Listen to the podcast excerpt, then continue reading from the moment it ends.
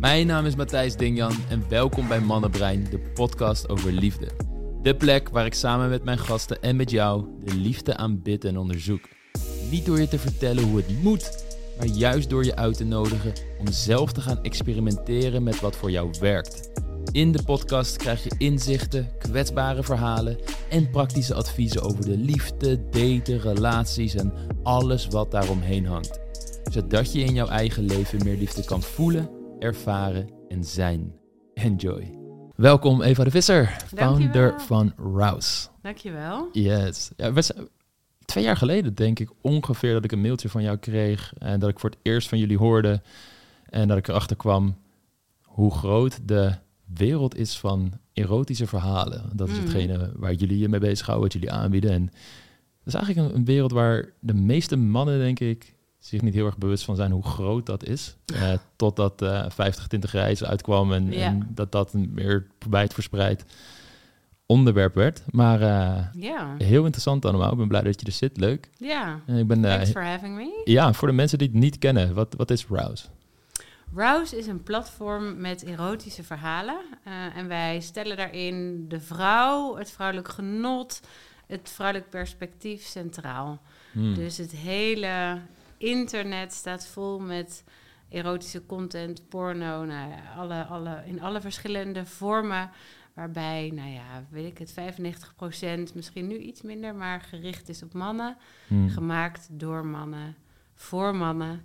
En wij dachten, dat, daar moet iets bij. We zijn helemaal niet anti-porno en ook helemaal niet anti-mannen. Mhm. Maar wij dachten wel van, ja, hier zit, eh, zit echt nog een gat te vullen. Mhm. En ik kom zelf uit de uitgeversbusiness.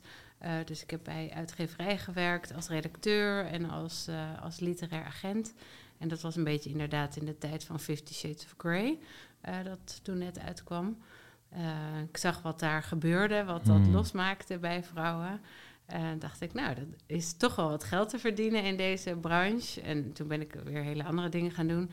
En een, een paar jaar geleden wilde ik weer terug naar het uitgeven. En ja, kwam ik op dit idee ook wel geboren uit eigen behoefte. Dat ik eh, van porno heel vaak, ja, dat, eh, toch een beetje, eh, het schrikt mij af door, of, of ik knap af Mhm. eh, op bepaalde elementen. Dus eh, ehm, ja, weet ik het, dat het lelijke belichting is, dat het eh, een lelijke pik, een, eh, dat ik het zielig vaak vind voor de actrices. Dat ik denk, Right. oeh, dit lijkt me eigenlijk niet zo fijn. Mhm. Eh, dus ik dacht, nee, als je je eigen fantasie kunt gebruiken, dan werkt dat voor mij eigenlijk veel beter. En Ja. toen ben ik gaan onderzoeken of dat voor andere vrouwen ook zo gold. En dat ja, was in ieder geval voor een groot gedeelte wel zo. En zo is Rouse geboren. Ah, mooi. Ik, je stuurde mij ook een verhaal door eh, en ik was het aan het lezen en opeens kreeg ik ook een flashback. Volgens mij was het de Hitkrant vroeger of zo. Zo'n krant, zo'n jeugdblad wat wel eens een soort verhaaltjes had die dan al heel onschuldig waren Ja. hoor. Maar ik kreeg er dan zo'n gevoel weer bij en ik merkte hoe mijn fantasie ook gewoon dat pff, helemaal hoe je erin meegenomen kan Ja. worden en hoe anders die beleving is als het vanuit je eigen fantasie is versus het is een visueel plaatje dat je krijgt geïnjecteerd als het ware in jouw brein. Ja, En hoe je dat inderdaad helemaal zelf gaat, gaat invullen en ook hoe een andere ervaring dat kan geven. Dus ik, ja, ik vind het een ontzettend mooi iets. ja. Hoe, is, hoe was dat dan, of hoe is dat eigenlijk nog steeds ehm, qua...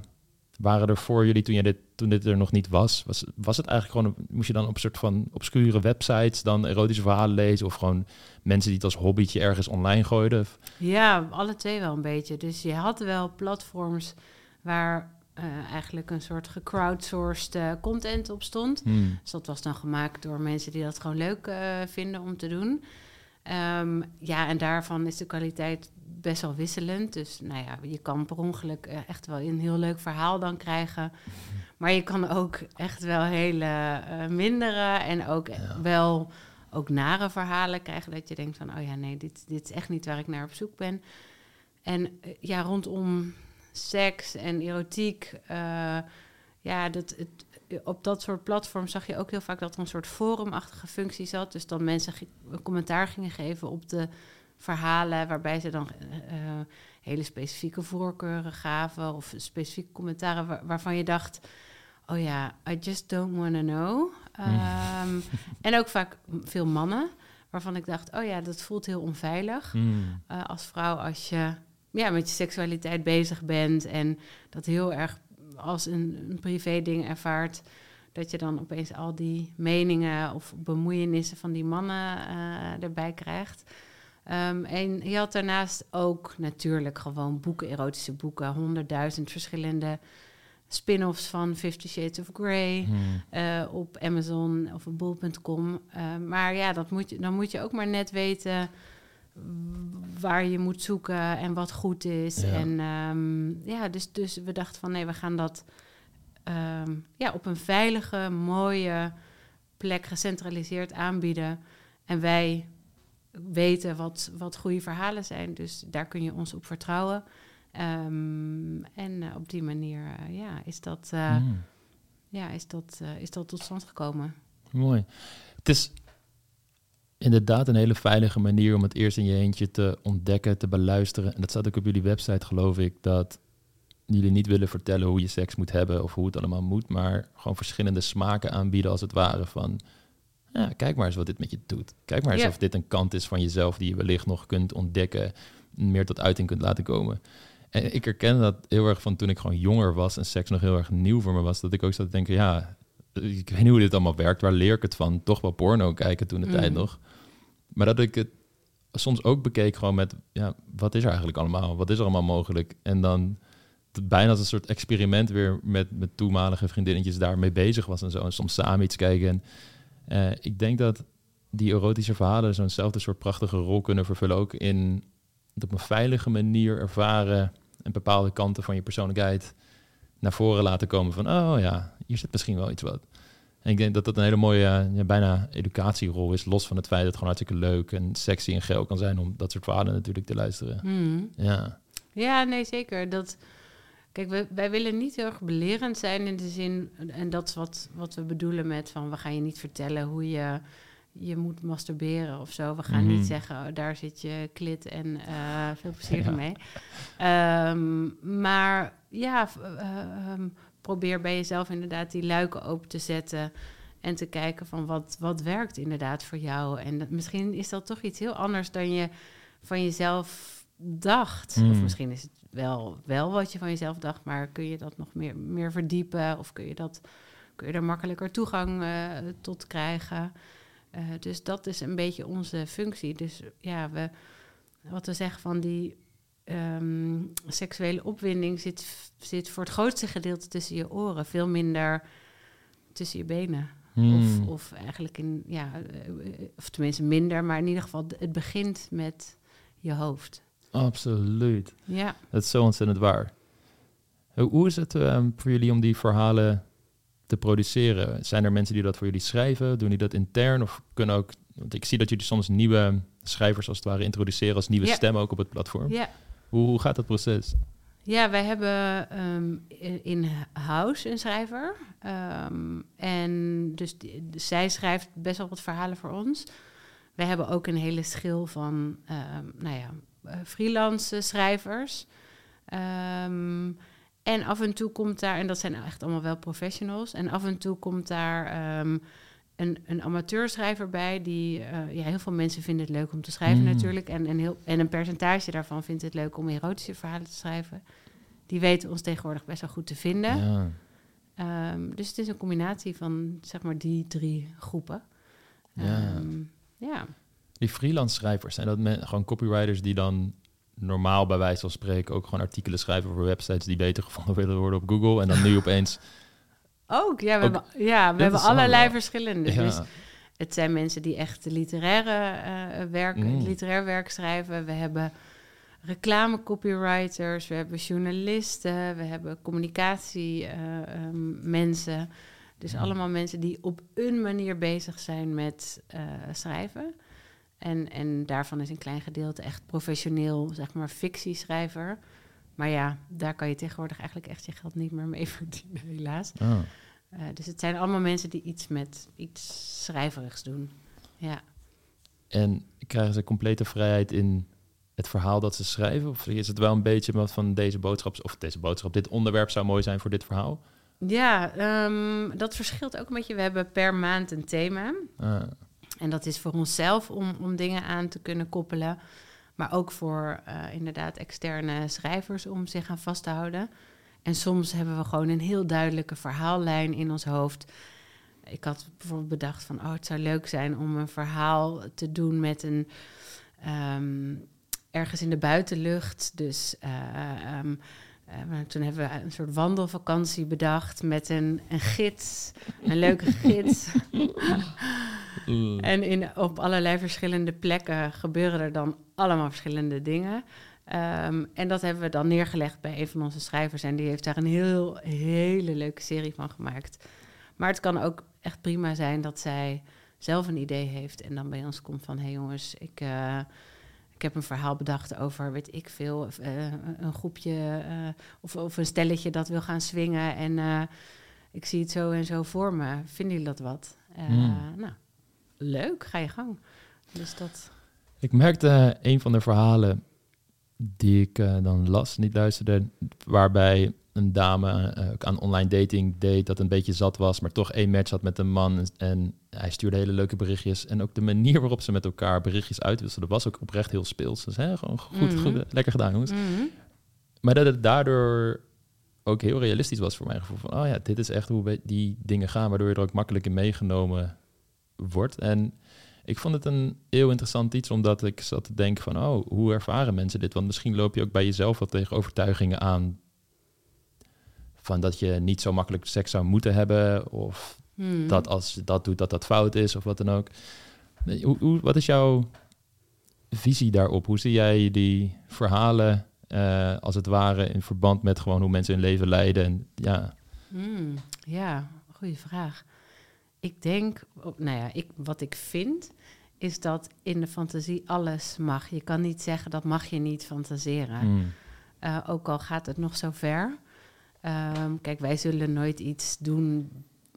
Alles bij ons wat we maken is binnen het legale. Maar ja, je, je hebt soms fantasieën of dromen waarvan je jezelf misschien ook wel eens schrikt. En daar hoef- Hmm. daar hoef je ook helemaal niks mee.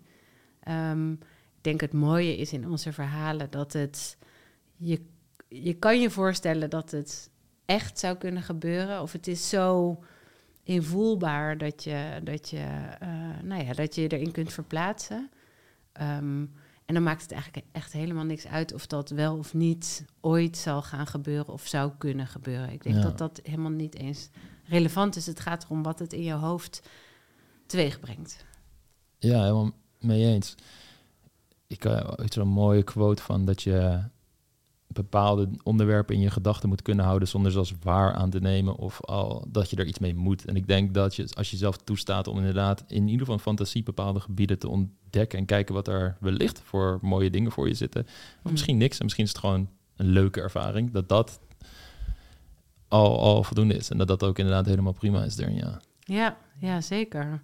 Mm. Ja, dat, ik, volgens mij is dat juist de lol van fantaseren en van, van ja, je, de baas zijn over je eigen gedachten en fantasieën. Dat dat Mhm. helemaal oké is. Ja. Ja.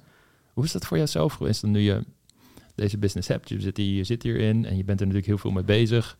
Hoe was dat proces voor jou dat je zei van oké, weet je wat, ik ga dit ook gewoon doen. Ik ga hiervoor uitkomen. Dit, is, dit wordt mijn pad, als het ware. Ja, ehm, nou, het is best wel een kwetsbaar onderwerp natuurlijk. Hmm. Seks, seksualiteit. Ehm, dus ik, weet, ik ben op, eh, vorig jaar op televisie geweest. Ik heb meegedaan aan een pitch bij Dragon's Den. Ik weet niet eh, of, of iedereen weet wat dat is, maar dat is dus dan ga je je business pitchen voor een groep van vijf hele rijke investeerders. En dan eh, nou, gaan ze wel, wel of niet in je investeren, maar ze zijn in ieder geval best wel kritisch. Mhm. Dus dat was heel spannend. Maar dat was ook voor het eerst dat ik echt voor zo'n grote groep mensen nou ja, ging vertellen waar ik mee bezig ben. Want eh, naar, die, naar één aflevering keken gemiddeld 1,2 miljoen mensen. Toen was het nog op de NPO, maar nu is het inmiddels op Viaplay of Viaplay. Eh ze kijken volgens mij iets minder mensen naar. Maar ehm, nee, en toen dacht ik opeens, shit, het is best wel een kwetsbaar eh, onderwerp. En ook alles wat neigt naar feminisme, ehm emancip- vrouwenemancipatie. ehm, ja, daar, dat lokt ook best wel wat eh, weerstand eh, uit. Mhm. Dus ik dacht, oh, ja, misschien word ik straks wel heel erg getrold of zo. Mm. Of eh, gaan mensen naar mijn huis toe om te zeggen dat ik een slet ben of zo. Ehm, en eh, dus daar was ik wel een beetje bang voor. En mijn moeder die zei ook, oh nou, eh, misschien kan je het een beetje soort van eh, aankleden. Zo van, dat het niet, van, dat, jij, perso- ja, ik weet niet. Zij, zij wilde in ieder geval dat ik dan een soort persoonlijk iets minder erbij betrokken was, wat absoluut niet een optie was. Maar Mm. toen voelde ik wel inderdaad, oh ja, dit is echt wel, ja, het is, je stelt je best kwetsbaar op. Ik bedoel, Mhm. jullie zullen dat ook wel ervaren. Dus als je je in dit domein gaat begeven, waarbij gevoelens en seksualiteit, is het gewoon, ja, iedereen en vindt daar iets van en, en vindt dat ook spannend. Eh, dus ja, dat, dat, Mm. dat heb ik zeker wel gemerkt. Ja. Wat was dan in jouw... Natuurlijk, het is een, een business opportunity, zo, maar ik heb het gevoel dat je ook wel echt het onderwerp zelf, wat je zelf al zei, van hé, ik miste dat zelf ook als het ware, dat er gewoon een fijn platform was waarin je dit, dit kon ervaren als vrouw zijnde. Mm. Wat is het dan in jou dat je dit toch zo belangrijk vond, dat je zegt, weet je, dat is het me allemaal waard ook, gewoon om het te doen en hiermee door te zetten, hier Ja. tot op zekere hoogte het gezicht van te zijn. Ja. Ja, sorry, ik gaf eigenlijk helemaal geen antwoord op jouw vorige vraag. Ik ben gewoon Ja, wilde maar ik sneak hem weer er- Ik- hoor. Ja, precies, heel goed. Ehm, nee, want wat ik wilde zeggen, eigenlijk wat ik er nog aan toe wilde voegen, is dat het ehm, de reacties die je krijgt eigenlijk heel positief zijn. Ehm, ik bedoel, ik weet natuurlijk niet wat ze allemaal achter mijn rug om eh, zeggen. En dat Mhm. maakt me eigenlijk ook niet zoveel uit. Maar nee, ik ben echt gedragen door een soort golf van positiviteit. Dat er Mm. zoveel mensen, vrouwen, maar ook mannen zijn die het zo tof vinden dat er zoiets eh, eh, is en dat we daarover kunnen praten. En ja, dat het een soort kickstarter is voor bepaalde gesprekken. Ehm, en ja, en, en ook dat, dat je überhaupt zeg maar die plek hebt om dingen te, Hmm. te, te vinden die jouw verbeelding prikkelen. Ehm, dus uiteindelijk is het, ja, ben ik, ben ik soort voortgestuwd. Eh, ik had dit op deze manier ook nog nooit gedaan. op, op deze manier een bedrijf opgezet in deze branche. Maar het was echt een soort van flow van. En, en natuurlijk kom je honderdduizend obstakels tegen. En misschien als je helemaal aan het begin weet wat voor uitdagingen er op je weg komen, dan zou je er nooit aan beginnen. Maar gelukkig weet je dat van tevoren niet. Mhm. Dus ehm, nee, het, ja, het, het onderwerp blijft gewoon super boeien. En ehm, ja, de gesprekken die je krijgt, de, alle mensen die je ontmoet door deze, door deze business is zo tof. Dat, Ja. Dus dat, dat blijft gewoon motiveren. Ja. Ik herken het wel heel erg. Ik had zo'n soortgelijk moment.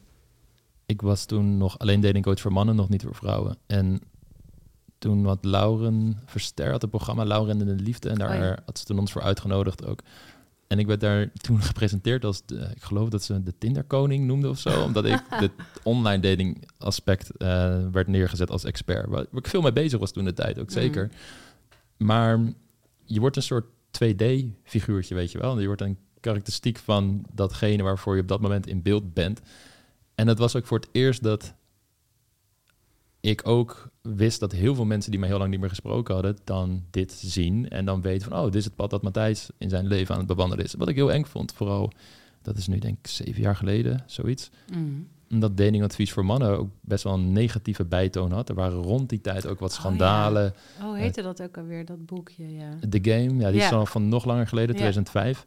Maar daarna had je bepaalde bedrijven die aan shock marketing deden, heel extreem gingen, juist ook weer heftige reacties op te lokken, uit te lokken. Er zijn heel veel schandalen geweest en ook, het was ook wel nodig hoor, dat er een grote clean-up was in de markt om het meer volwassen te maken. Maar ehm, dat was allemaal echt wel spannend. En, Ja. en heel veel mensen dachten ook van, ja, begrijpen ze het dan wel wat je doet? Vinden ze het niet raar? En al die gedachten. Maar toch wist ik dat het voor mezelf iets heel belangrijks en iets heel moois was. En ik zag de veranderingen die we bij mannen teweeg bragen en hoe gelukkig ze werden en hoe daardoor ze ook een betere partner waren voor de vrouwen die ze aantrokken. ja. Dat ik van, ja, het maakt ook eigenlijk niet uit. Nee, nou ja, dat is het inderdaad altijd. Van hoeveel ga je aantrekken van wat anderen ervan vinden. Mhm. Alleen inderdaad met daten of seksualiteit is het gewoon Ja, het is gewoon best Ja. wel een kwetsbaar onderwerp. Dus je bent altijd... Ja, je zal wel... Ik, ik bedoel, ik weet zeker dat er achter mijn rug om ook van alles over... en heel af en toe vraagt iemand wel eens aan mij van... eh, oh, ben je dan een eh, heel seksueel persoon eh, of zo, dat je dit bent begonnen? Ehm, wat ik dan heel grappig vind, want ik denk dat heel veel mensen dat Mhm. eigenlijk stiekem wel willen weten. Ehm, laat ik even in het midden. Nee. Eh, nee, nee, nee. Ik, ik ben, eh, om, om mijn eigen vraag even te beantwoorden.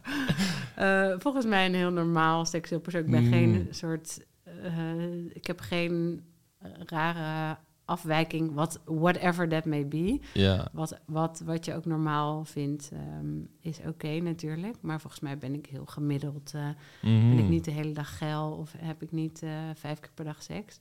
Ehm, maar eh, nee, was dit gewoon iets waarvan ik dacht, en commercieel en vanuit eigen behoefte, zeg maar. Ehm, maar dus dat is wel heel grappig dat mensen dat, Ja. dat natuurlijk willen weten. Maar Ja. dat zal inderdaad bij jou ook zo zijn. Wat is dan het grootste vooroordeel wat jij van jezelf terughoort... of wat mensen wel eens durven te vragen aan jou?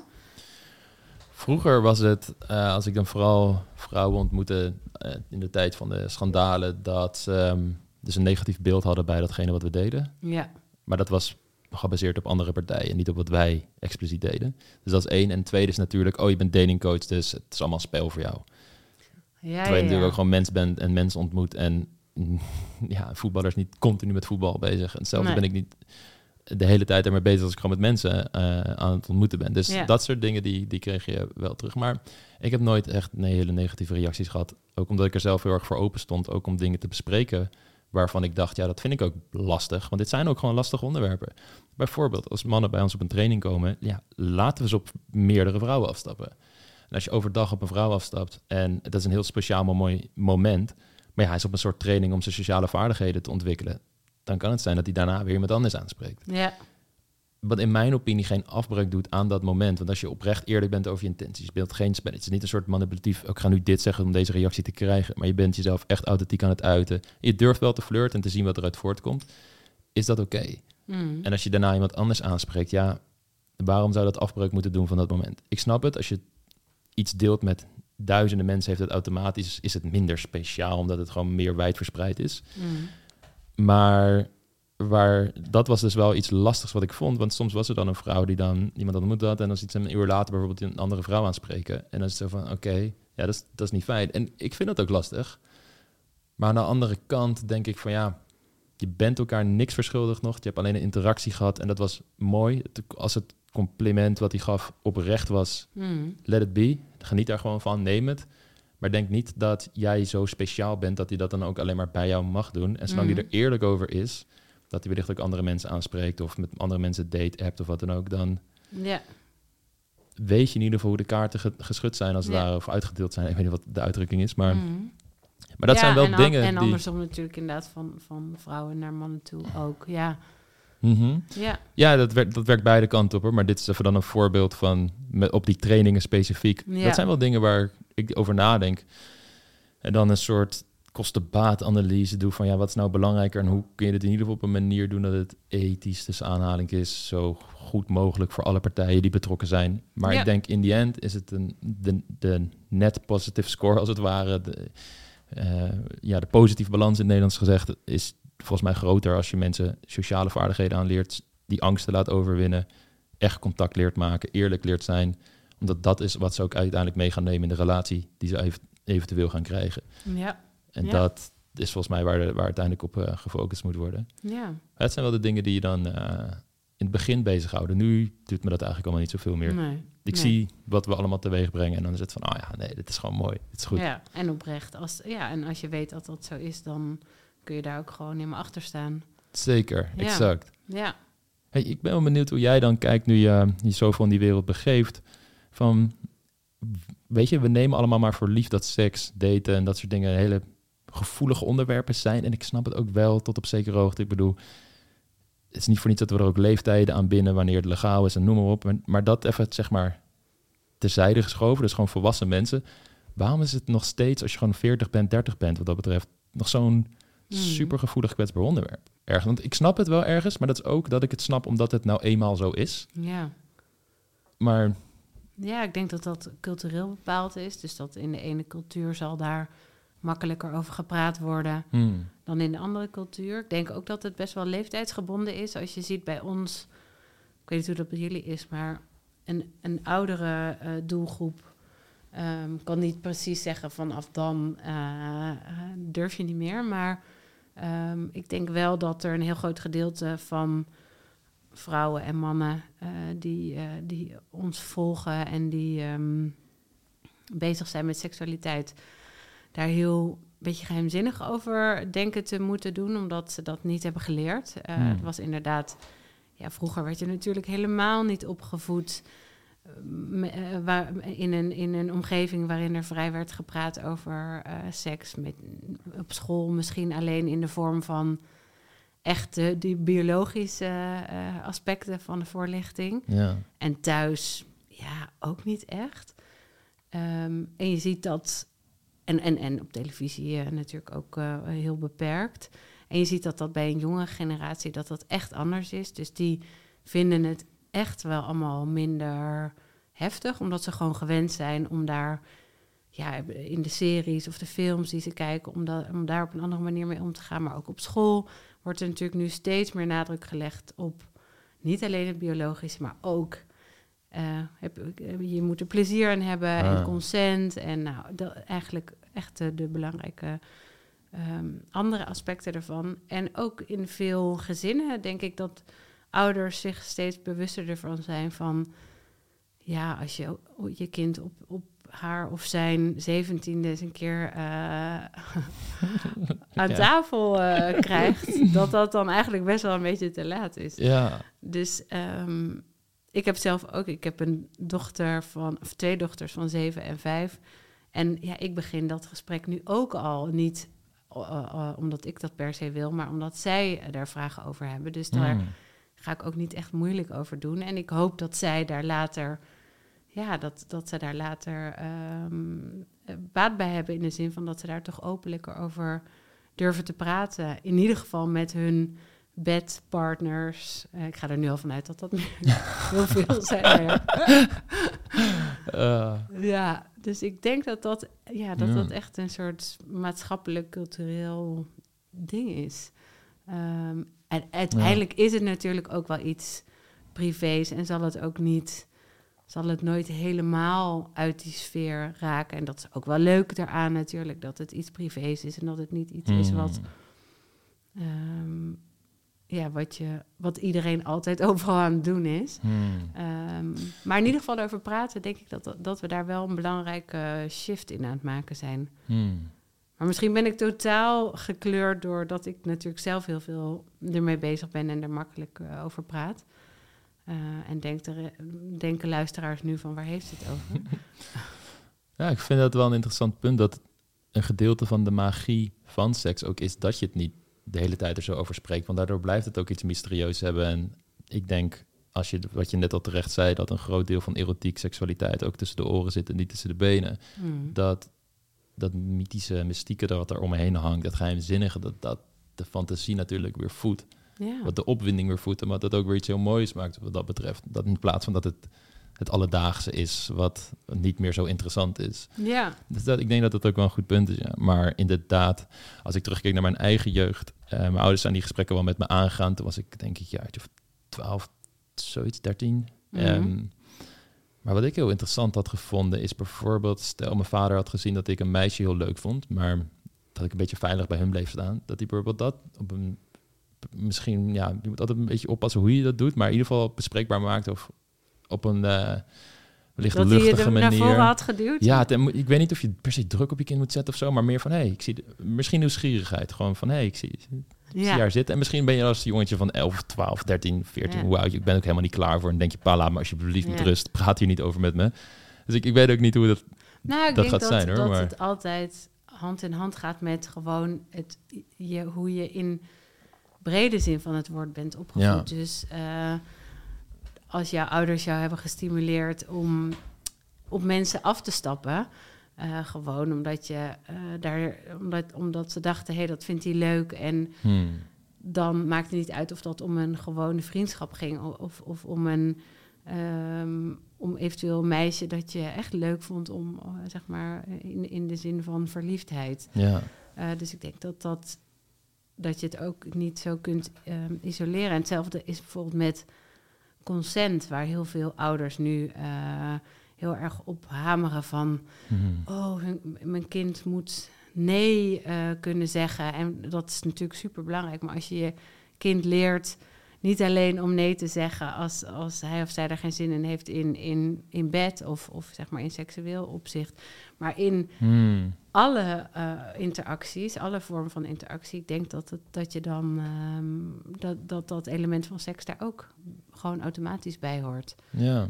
Ja, Ja, dat is een, hele mooie. En ik denk ook dat voor heel veel mensen eh, dat het gigantisch zou helpen als je dat op jonge leeftijd al aangeleerd krijgt dat het oké is om op anderen af te stappen, contact te maken, te verbinden. En dat dat Mhm. inderdaad een ripple effect heeft naar liefdesgebied. Want andersom is het ook zo.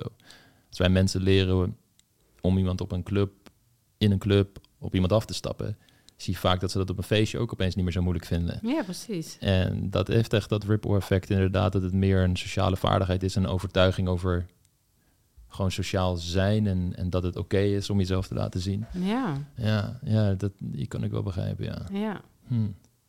En hoe, eh, je had het net ook al over de cultuur waar wij in leven en hoe wij met seksualiteit omgaan. Hebben jullie ook al onderzoeken gedaan hoe het is in andere culturen, dat jullie uit willen breiden bijvoorbeeld? Of heb, weet je daar Ja, van? zijn er nu toevallig mee bezig, want we gaan waarschijnlijk verhalen produceren voor de Italiaanse, Spaanse Aha. en ook Poolse markt. Eh, mijn Pools is eh, niet super goed, maar. ehm, en daarvoor gaan we wel echt onderzoek doen, ja. Hm.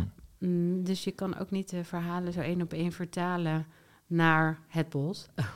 Want Ja. daar zijn gewoon hele andere codes gelden daar. ehm, waar wij misschien mm, ons wellicht af en toe ongemakkelijk bij kunnen voelen, stel ik me zo voor. Eh, of, of, ja, of, of dat je denkt van, oh wat grappig dat dit inderdaad niet kan hier. Of eh, wat wij heel normaal vinden, dat mannen en vrouwen toch best wel gelijkwaardig zijn. Dat dat ehm, eh, vrouwen initiatief kunnen nemen. Weet je wel, dat dat Ja. in andere culturen, ik zeg niet per se Pools hoor, want dat, dat gebruik ik nu als voorbeeld, maar, ehm, maar dat dat, eh, ja, dus dat, daar zitten ook een soort culturele aspecten bij die, waar je rekening mee moet houden. Ja. Zien jullie dat zo? Dat de Nederlandse cultuur meer geaccepteerd is, bijvoorbeeld in de verhalen die jullie vertellen, dat de vrouw meer initiatief neemt vanaf moment één al? Je, je hebt natuurlijk, wij zien de datingfases van oké, je hebt echt het aanspreken, het nummer krijgen, eerste date, dat is een soort van aanloopje. En dan gaan mensen daten, Mhm. dan gaan ze richting relatie. Die eerste fase is traditioneel gezien natuurlijk heel erg afhankelijk van de meeste culturen, ook conservatieve culturen van de man. Van oké, die moet die eerste fase doorlopen. Merken jullie dat dat in Nederland best wel iets is wat vanuit de vrouwen al heel erg oké is? Dat er- ja, jawel, veel meer dan sowieso dan vroeger. Hmm. Als je kijkt naar wat er traditioneel werd gemaakt eh, aan, aan dit soort verhalen, dan zie je dat het inderdaad, de vrouw is best wel een soort afwachtende, Mhm. ehm, passieve eh, persoon. Altijd knap, maar wel bescheiden. Hmm. Eh, Ja. ehm, intelligent, maar niet opschepperig daarover. Weet je wel, het zijn allemaal een beetje een soort grijze, ehm, ja, grijze muizen. Hmm. En daar staat dan, daarnaast werden dan mannelijke personages gezet die heel dominant Mm. en aanwezig en gespierd, donker. Nou, weet je, weet je wel, echt eh, gewoon ongeveer tegenovergestelde. En die vrouw dan moesten veroveren. Ehm, nou, dat, eh, die narratief, dat, dat, eh, die verhaallijn, zeg maar. En dat, ik bedoel, ik vind dat ook af en toe heerlijk om dat soort eh, verhalen te lezen of te kijken. Weet ik, Netflix staat er vol mee.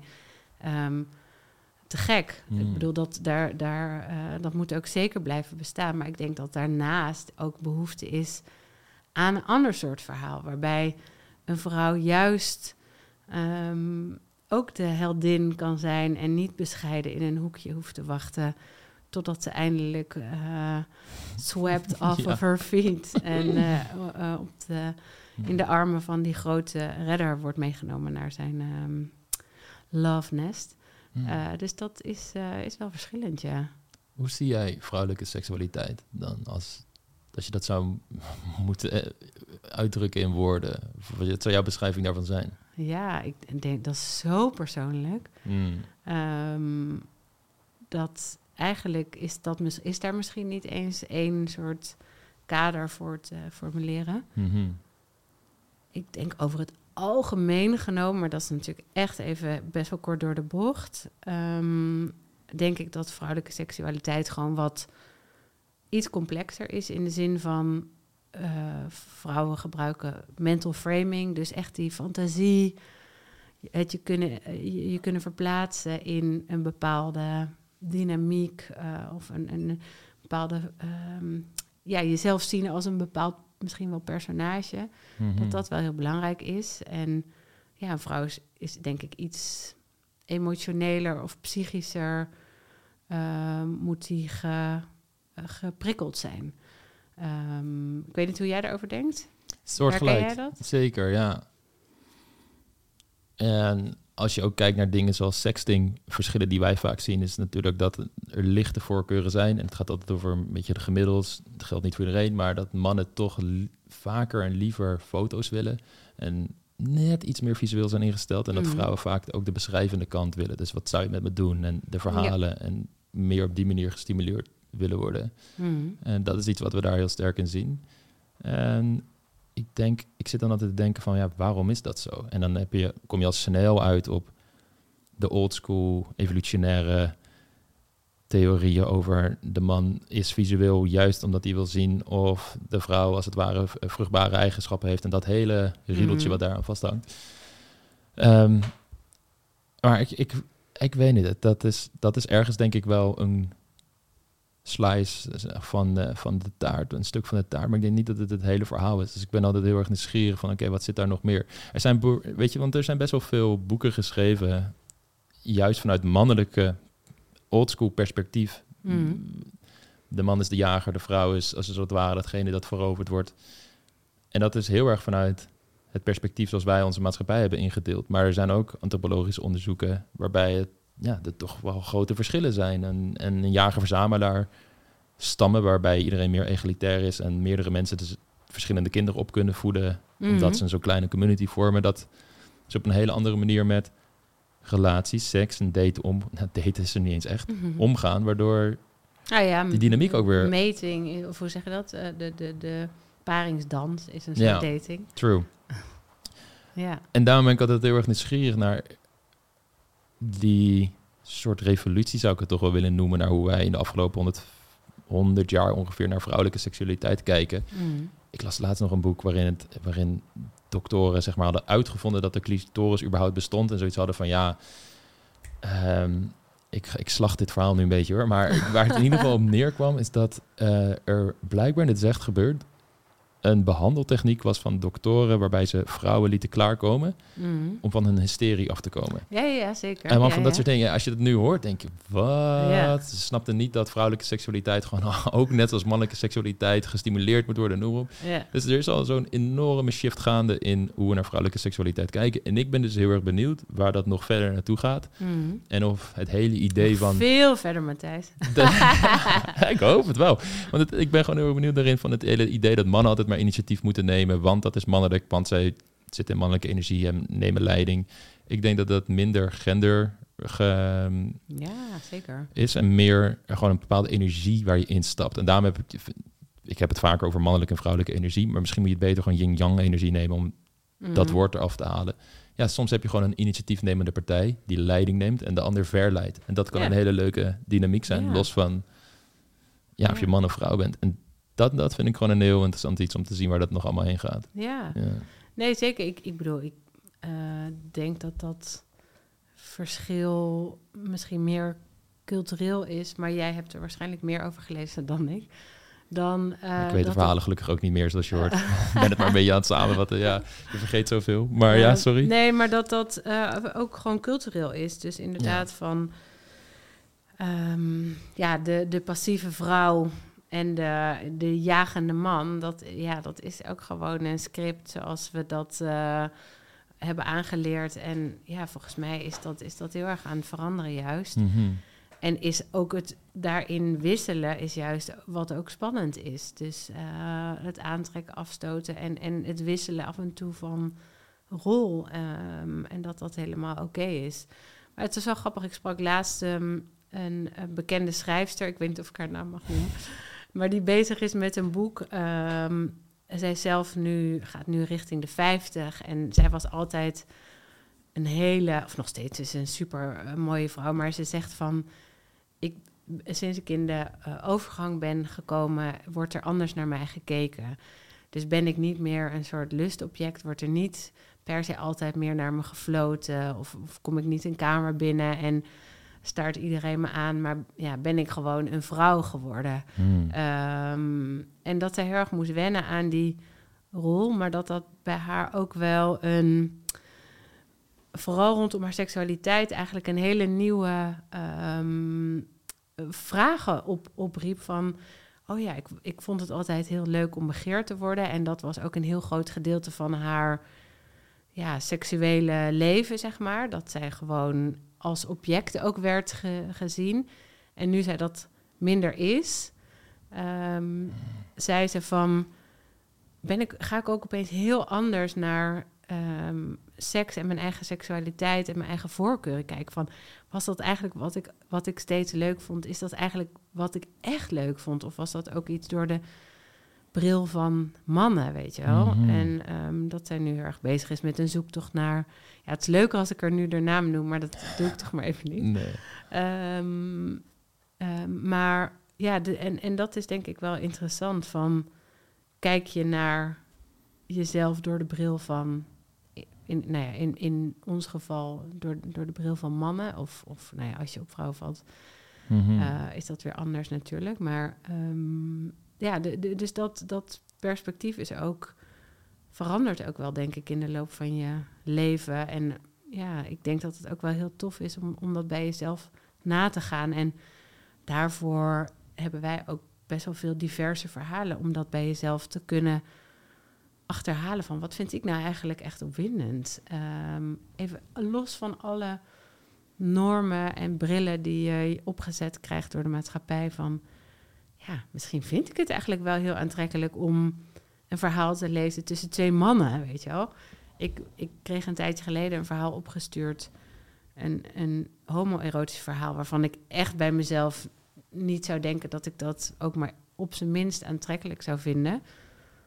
En toen las ik het en toen dacht ik, wow, dit werkt eigenlijk best wel goed voor mij. Ehm, en ja, ik, ik val op mannen, maar ik, ik val niet per se op twee mannen met elkaar. Mhm. Maar toen dacht ik, oh, wat grappig. Dat ehm, ja, kan dus zomaar. Ik weet eigenlijk niet wat, wat, wat voor punt ik nu aan het maken ben. Nou, maar- dat je op een andere manier, ja, eigenlijk dus het ontdekken van je eigen seksualiteit, dat je bepaalde dingen altijd voor waar hebt genomen, Ja. van dat is hoe het is. Maar Ja. dat, dat kan veranderen over, door leeftijd, maar ook Ja. door blootgesteld te worden aan gewoon een nieuw soort verhaal. Ik heb het grappig, ik heb een boek gelezen, Achilles, en dan, volgens mij stond er nog iets bij, ik weet niet meer, meer wat.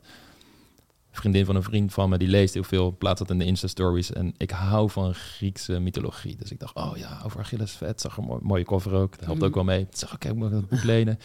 Ik dat boek lezen. En het ging inderdaad over Griekse my- mythologie. Maar het ging vooral over de homoseksuele relatie van Achilles samen met, ik even zijn naam kwijt, maar een soort van zijn hulpje. Mhm. En dat stond centraal in dat boek. En ik had geen idee van tevoren. Maar opeens las ik dus ook over allerlei seksscènes en noem op. Maar ze ook zo mooi poëtisch geschreven door die schrijver. Eh, en ik kan me heel goed voorstellen dat, ja, hetzelfde, ik val op vrouwen. Maar erotiek kun je zelfs op dat soort momenten nog steeds ervaren. ja. En denken van, oh, oké. ja, dat had je niet van jezelf verwacht. Nee, En dat boek had je misschien ook niet, als je het had geweten, had je misschien ook niet uitgezocht. wellicht niet. Nee, zeker. Maar het Nee. was echt goed geschreven. Dus ik zat er ook gelijk helemaal in. Ik dacht, Ja. ja, mooi. Tof. Ja. Dus ik, Leuk. ik, kan het, ik kan me dat heel goed voorstellen. Dat ook als je ouder wordt bijvoorbeeld, dat je ook andere dingen weer gaat onderzoeken. En misschien ook wel meer delen van jezelf accepteert. En denkt van, oh, ik mag dit, dit kan ook gewoon. Ik vind het nu minder gek om te doen of zo. Ja. En dat je ook begrijpt van, er is niet één, niet één script, zeg maar. Er zijn honderdduizend verschillende vormen van elkaar liefhebben, hmm, elkaar aantrekkelijk vinden. Er is, dat, er er is niet alleen maar man, vrouw, eh, hij dominant, zij passief. hmm. Alle twee beeldschoon, eh, succesvol. Weet je wel? Ja, Dat, ja, dat, ja. dat, er zijn gewoon zoveel verha- verschillende verhalen. ja, Dus dat is wel tof inderdaad om je daaraan over te geven. ja, zeker. Ja. Waar zie jij, zie jij dit nog allemaal heen gaan met Rouse? Wat is je... Het is gewoon meer produceren. World domination, Ja, Ehm, nou, het lijkt mij heel tof. We- Wat we nu zien is dat we ook best wel een grote groep mannelijke volgers hebben. eh, of eh, of eh, subscribers. In het begin Tof. dacht ik, oh, wat, wat moet ik daarmee? Mm. Wat moet ik met die mannen? Ehm, maar ik denk dat het eigenlijk alleen maar heel positief is. Dus dat dit perspectief ehm, door een grotere groep omarmd wordt en ook als interessant wordt ervaren. ja.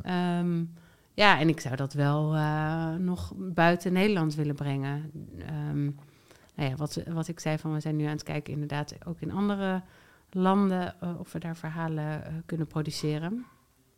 En ehm, ja, ik, ik, ik wil, ik zou wel een bijdrage willen leveren aan het ja, openzetten van, van de mogelijkheden in je hoofd. Van helemaal niet dat je alles hoeft te gaan doen. Weet je wel, als je fantaseert over iemand vastbinden of vastgebonden worden, betekent niet dat je morgen een, een stuk touw moet gaan kopen en, eh, Ja. en, en eh, jezelf eh, aan, aan het, weet ik veel, bed te gaan, gaan kluisteren. Maar, en, maar dat mag natuurlijk wel. Het, Mhm. het, het, het gaat erom dat je jezelf toestaat die, ehm, nou, die, die openheid te krijgen. Ja. Ja, ik, super mooi. Ik, ik juich het toe. Ik denk dat het een zelfexploratie is op een heel gevoelig, kwetsbaar gebied. Maar dat als mensen daar ook dat meer durven te ownen, dat dat ook wel weer een ripple effect heeft op andere gebieden van hun leven die ze wellicht meer durven te ownen. En dat er heel veel verschillende manieren naar die zoektocht naar wie je echt bent zijn. En dat erotiek en seks ook een hele mooie manier kan zijn daarin. Ja, Dat echt absoluut. ja, absoluut. Helemaal mee eens. En, ik, ja, en ook soms kom je achter patronen van jezelf. Toevallig iemand die ik coachte die erachter kwam van... Ze zat ook echt in een slecht huwelijk voor ehm, bijna 25 jaar. En ze kwam erachter van ja, heel mijn leven stond eigenlijk alleen maar in dienst van het pleasen.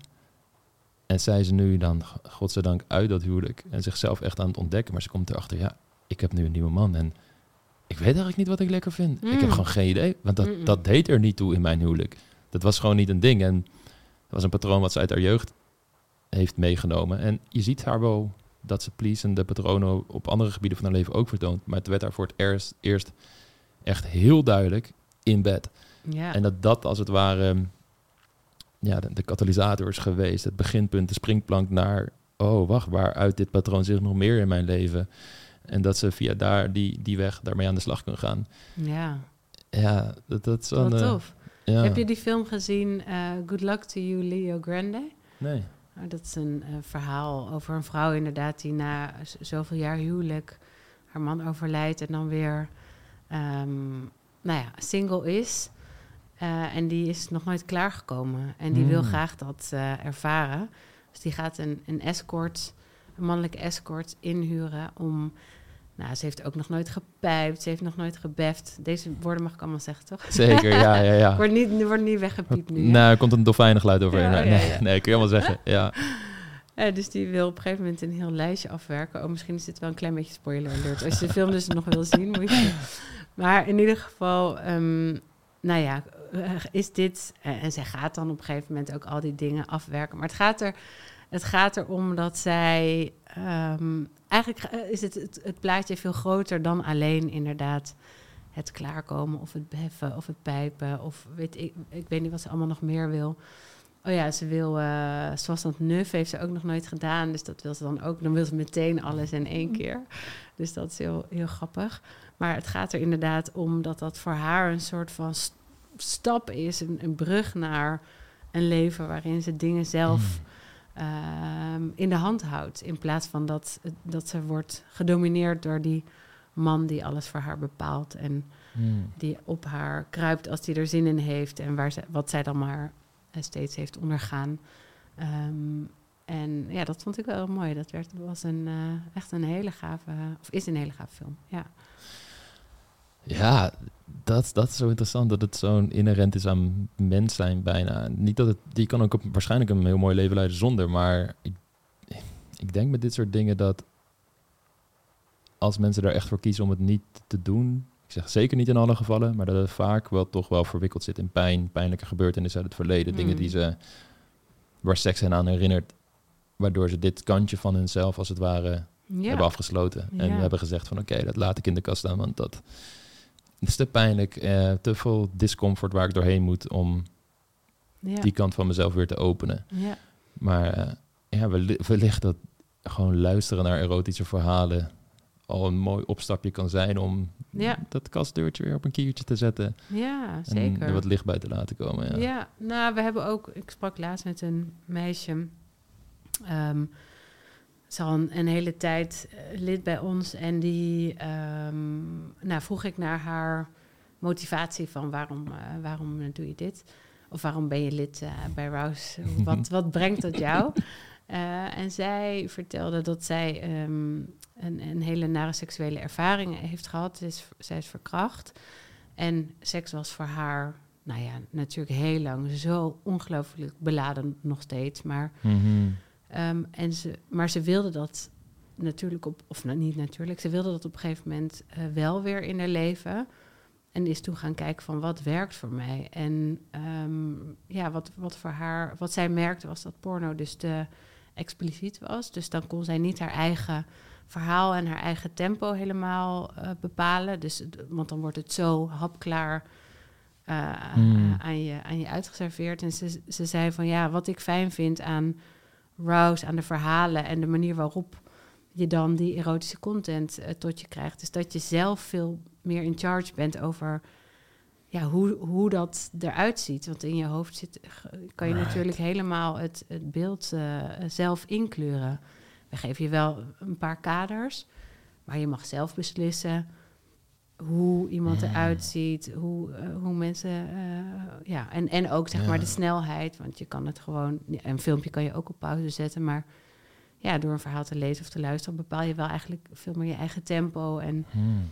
creëer je meer je eigen voorwaarden. Dus dat zij eh, vertelde dat zij nu een, ehm, een, een ehm, ja, seksuele relatie heeft. Dus echt gewoon niet een, niet een, eh, eh, een, een relatie, maar gewoon echt een, iemand om, om seks mee te hebben. En dat ze in de trein naar hem toe Rouse opzet om, in, ja, om, om een beetje in de stemming te Mm. komen. En dat voor haar mega goed werkt. Dus dat is echt super tof, eh, vind ik. Ik kan me dat helemaal Ja. voorstellen. Dat je op die manier weer een gevoel van controle ervaart. En op een veilige manier die kant van jezelf kan exploreren. Ja, Ja. Ja. Mooi. Dat is echt een... eh, ik kan me dat... Ja, ja super mooi. Ik eh, wil je heel erg bedanken voor je openheid. En ik vind het ontzettend mooi wat Rouse allemaal doet. Ja, En ik hoop dat eh, een hele hoop mensen deze erotische, seksuele kant van hunzelf Ja. durven te exploreren. Ja. Ik denk dat dat alleen maar heel veel moois teweeg brengt in de wereld. Dus eh dankjewel. nou, thanks for having me. Was leuk.